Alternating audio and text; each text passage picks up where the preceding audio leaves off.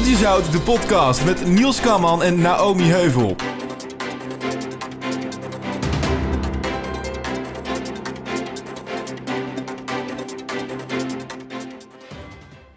Zo, ja, nu mag ik ook een keer het intro doen. Zo, dat vind ik ook wat nieuws.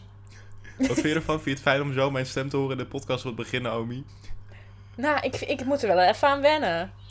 Ik ben niet gewend van jou. Ja, we moeten, we moeten er ook aan wennen, want jij gaat straks en het interview doen en ook nog eens het NOS-gedeelte. Dus ik ben heel benieuwd hoe je dat hebt gedaan. Nou, wil je dat verhaal horen, Niels? Wil je dat verhaal horen? Ik, Ik heb, Ik heb, ik, heb een, ik heb een mooi fragmentje.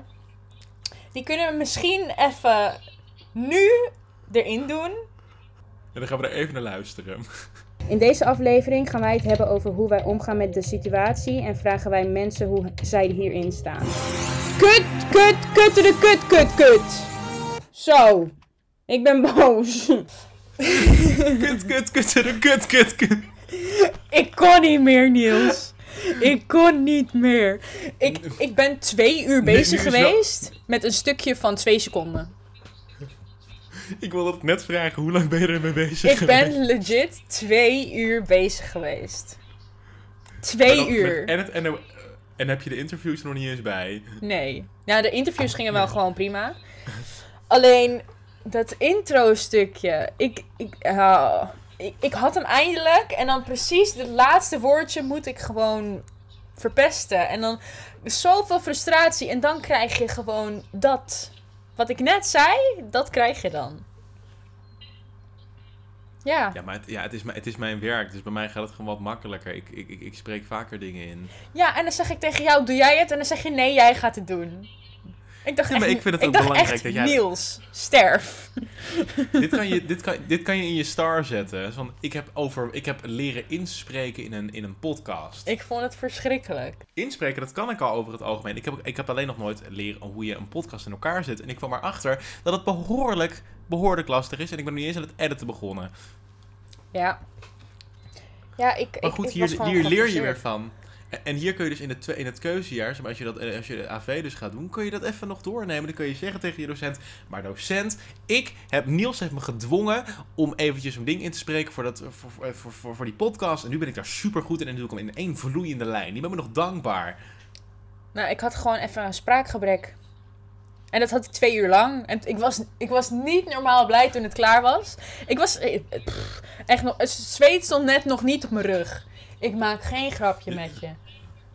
Ja, je, stu- je stuurde hele mooie fragmenten op. Het, was, eh, het, het ging steeds weer fout. Ik genoot Ja. er helemaal van. Ja. Maar goed, je hebt dus, je hebt dus het hele mooie NOS-gedeelte vandaag ingesproken. Dus Ja. eh, laten we er maar naar gaan luisteren. En ik ben heel erg benieuwd naar wat het onderwerp is eh, van deze week. Het MBO en het hoger onderwijs worden hard getroffen door de coronamaatregelen. Studenten hebben het zwaar en de werkdruk voor medewerkers is hoog. Ook zijn er minder stages, leerbanen en praktijklessen. De studievoortgang en de onderwijskwaliteit blijven door alle inzet tot nu toe nog op niveau. Maar dat neemt de zorgen voor de toekomst niet weg, schrijft onderwijsminister Ingrid van Engelshoven in een brief aan de Tweede Kamer. Vandaag in Korreltje Zout gaan Niels en ik het hebben over corona onder jongeren.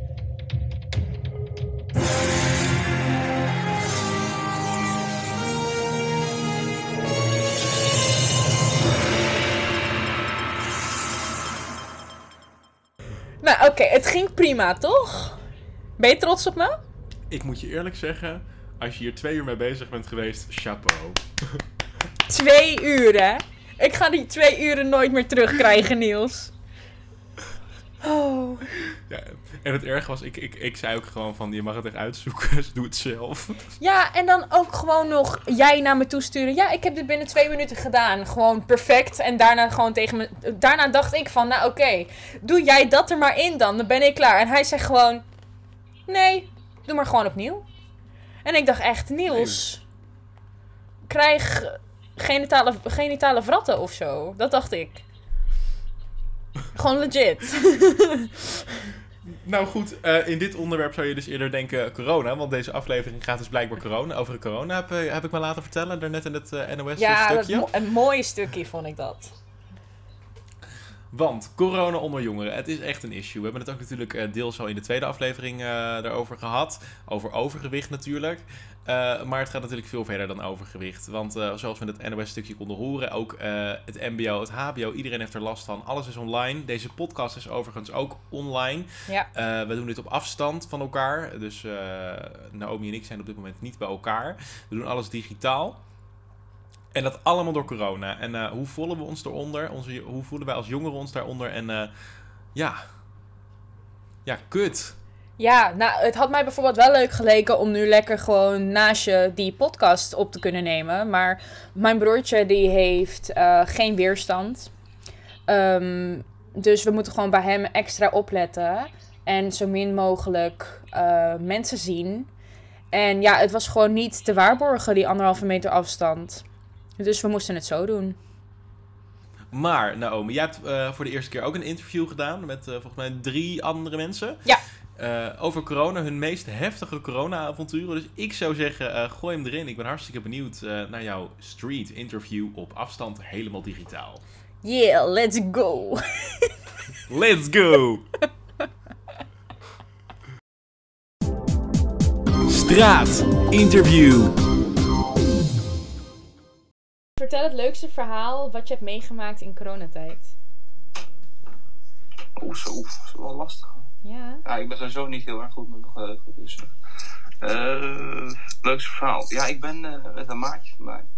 eh, zijn wij, eh, wat is het? Eh, net voor de avondklok. eh, toen zijn we, eh, dachten we, heel dronken bezopen. We gaan eh, langs de snelweg wat verkeersborden uitzoeken. En dat was een, eh, een heel avontuur. Uiteindelijk eh, En welke heb je uitgezocht dan? dat was een van het is voor de keer dat we dat hebben gedaan. Het was toen even hip. Dus, eh, we hebben een niet inlopen bord, een hectometerspatie bij de snelweg. eh, en een stop, niet inrijden volgens mij hebben we gehad. Ja, dat was wel gekkigheid. Dus, Nou, top. Eh, vertel het leukste verhaal wat je hebt meegemaakt in coronatijd. Ehm, het, is wel het leukste, maar niet het meest slimme, denk ik. Dat was eh, vorig jaar. Toen was ik eh, eerst wat mensen gaan eh, drinken bij een cafeetje. En ja, op een gegeven moment toen ik dronken was, ging alles in flitsen. En ik kipte met mijn ogen en ik zat in een kofferbak. Ja, ik zat ineens in een kofferbak. Ik knipper weer, we staan op een van, we lopen ergens naartoe. Ik zeg zo, ik vraag zo, ja, waar gaan we naartoe? Ja, we gaan naar een rave. Maar hè, een rave? Oké, het zal wel. Ik knip er weer. Ik sta midden op een rave. Echt, je ziet dat afvoerputje van mensen die daar echt rondlopen. Maar het was zo leuk. Ja, daardoor luister ik naar drum en bass. En ja, ik knip er weer. We waren in Noord. Ik zeg, bro, wat doen we in Noord? Wat doen we hier? Ik weet het ook niet. Ik knip er weer. We zitten in de bus. Ik denk van, waar gaat deze bus naartoe? Ja, we weer terug naar huis. Ik knip er weer. We zijn opeens aan het lopen. Zeg, bro, waar gaan we naartoe? Ik zeg, ja, we gaan naar huis. We gaan naar huis. Ik knip er weer. Ik zit op een schommel om vijf uur 's ochtends. ik zit te dronken, te schommelen met een vriend van me. En ik dacht, gewoon, wat zijn we aan het doen? Ik zeg, bro, gaan we nog naar huis? Ja, ja, we gaan zo naar huis. dus we lopen naar huis toe. Ik zie mensen gaan naar werk toe. Mensen gaan pakken een koffie. Zeg, van, wat is hier allemaal gebeurd? En ja, het was zo vaag. En dat was echt Je was stiekem gewoon gedrogeerd of zo. ik denk het. Het, het, was, het gekste wat ik heb meegemaakt. Ik heb me ook vaak verveeld tijdens deze coronacrisis, maar even een hectometerpaaltje stelen. Ja, je doet rare dingen als je je verveelt. Nou, ik vond het vooral heftig, zeg maar, die, die, die van maart tot juni. In die, in die periode heb ik me echt extreem erg verveeld. Maar een hectometerpaaltje stelen, wat, wat, wat nog meer? Wat hoorde ik nog meer? Ehm, nee, het was geen stopbord. Het was een niet inrijden bord of zo. En ehm, ja, Diego die eh, was eh, denk ik gedrogeerd of zo. Ik weet niet wat, eh, wat hij die avond had gedronken. Maar dat was niet, niet helemaal lekker volgens mij. Ik denk wel dat, zeg maar, dit soort verhalen, die ga je voor de rest van je leven, die ga je nooit meer vergeten. Die neem je mee je graf in. Ja, en het betekent... Als, als iemand mij dat...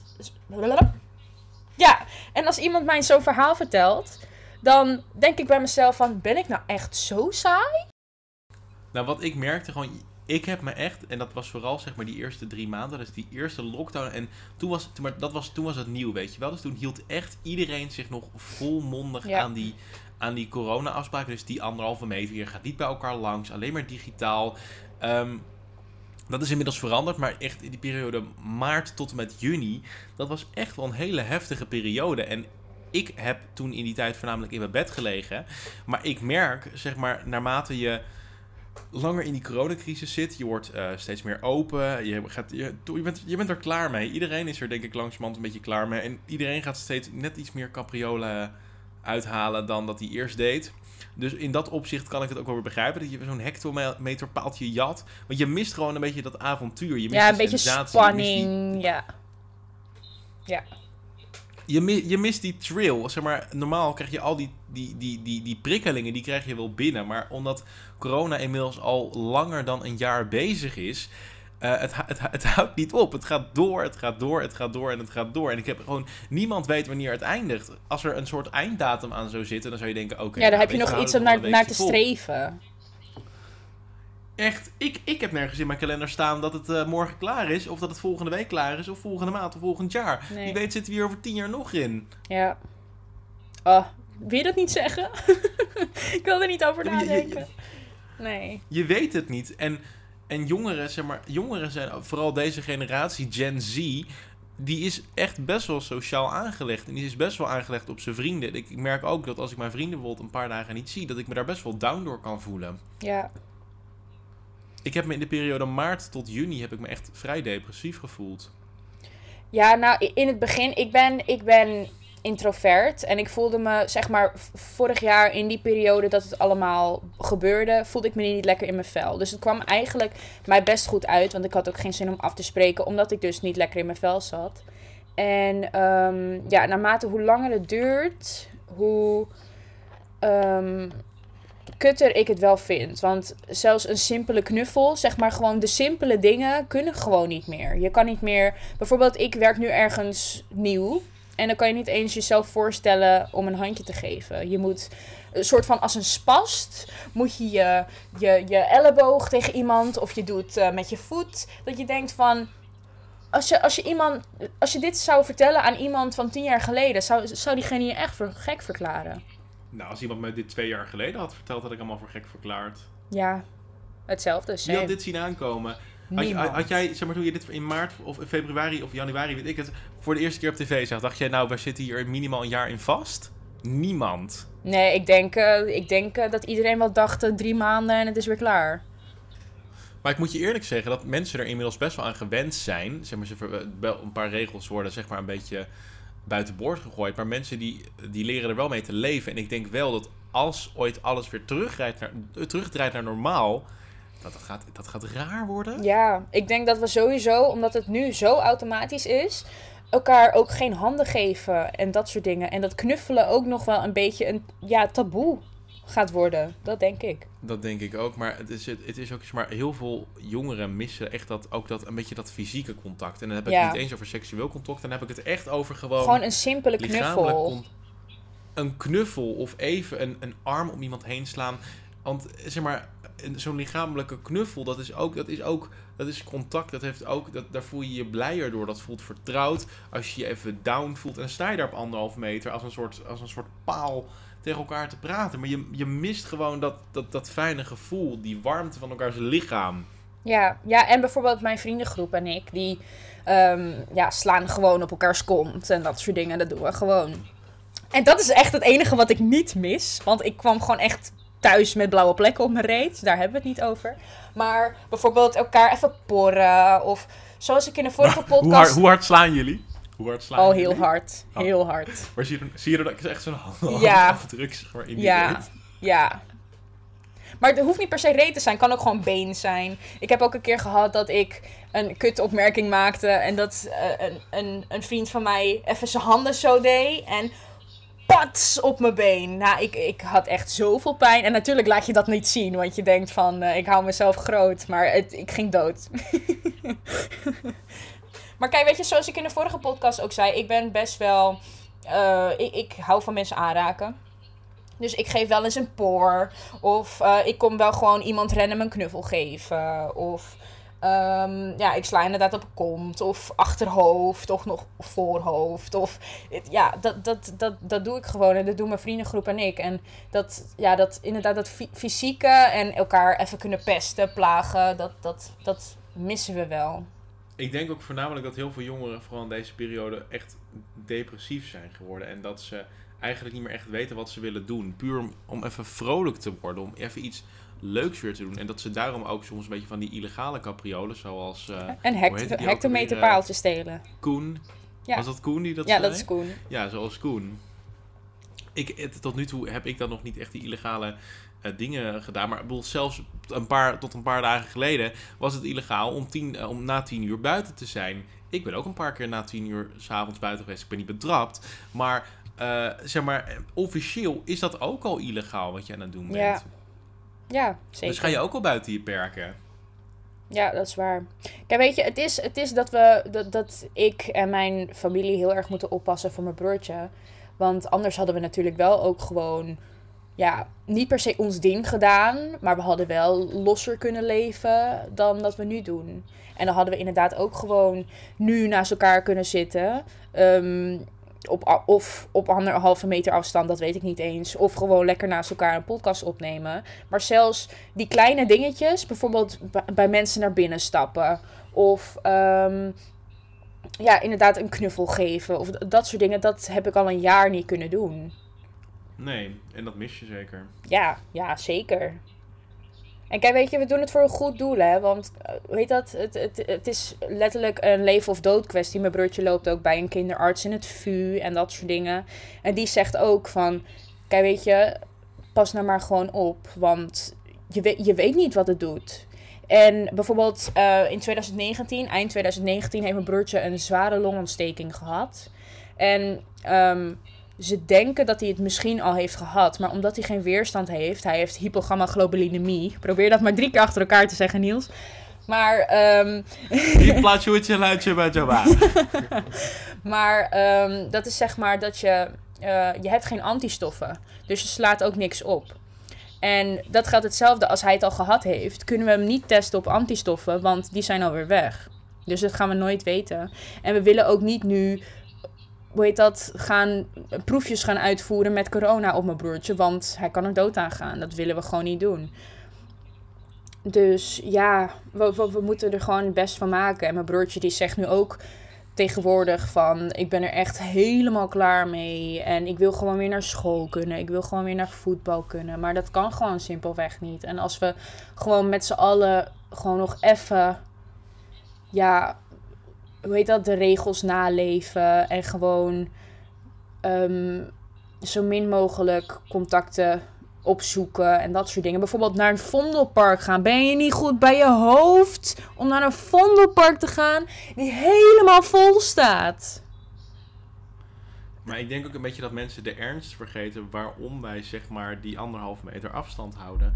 In het, in het, in het begin zeg maar, stonden we daar echt met, z'n- met, met 17 miljoen mensen. Waren wij daar als één team. En op Mhm. een gegeven moment begonnen er steeds meer mensen af te brokkelen. En als mensen zien van, oh die doen niet meer mee. Ja, dan doe ik ook niet meer mee. Maar dat komt ook door die conspiracy knapen die echt hun, hun, hun brein in hun aars hebben zitten. Serieus. Want sinds wanneer ben jij afgestudeerd eh, viroloog? Hou gewoon je bek. Als je, hou gewoon je bek als je niet erover kan praten. Je, je hebt het niet gestudeerd, dus hou gewoon je bek. Klaar. Ja, maar die, die, maar het, het, is niet, het is niet dat ze het denken. Ze weten het. Die conspiracy er- maloten. Ja, maar ze, ze zijn er stellig van overtuigd dat dat zo is. Ja, maar dan gaat er toch iets niet goed in je zendmast hoofd. in de fik zetten. Dan gaat er toch iets niet goed in je hoofd. Ja, nou ja daar, daar, daar, daar verschillende meningen over. De ene zal het met je eens zijn, de ander niet. Ik ben het persoonlijk dus niet met die mensen eens. Omdat ik denk dat dat pure bullshit is. Net als ongeveer 99% van Nederland. Ja, nee, als je zo'n conspiracy knaap bent, dan heb je echt je hersenen in je aars zitten. En dan moet je gewoon, ja, luister naar de mensen die er wel verstand van hebben. En ga niet dingen verzinnen om, om hoe heet dat, sensatie op te wekken. Of ehm, fake news de wereld in te sturen. Want daar, ja, daar help je niemand mee, daar help je jezelf ook niet mee. Het gaat er niet van sneller weg. Dus doe nou maar gewoon wat, wat goed is. En meer dan dat kan je niet doen.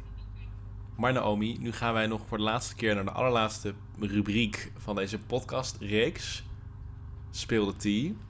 Dus jij mag je aller, aller, allerheftigste corona-verhaal gaan vertellen. Eerst nog even de bumper.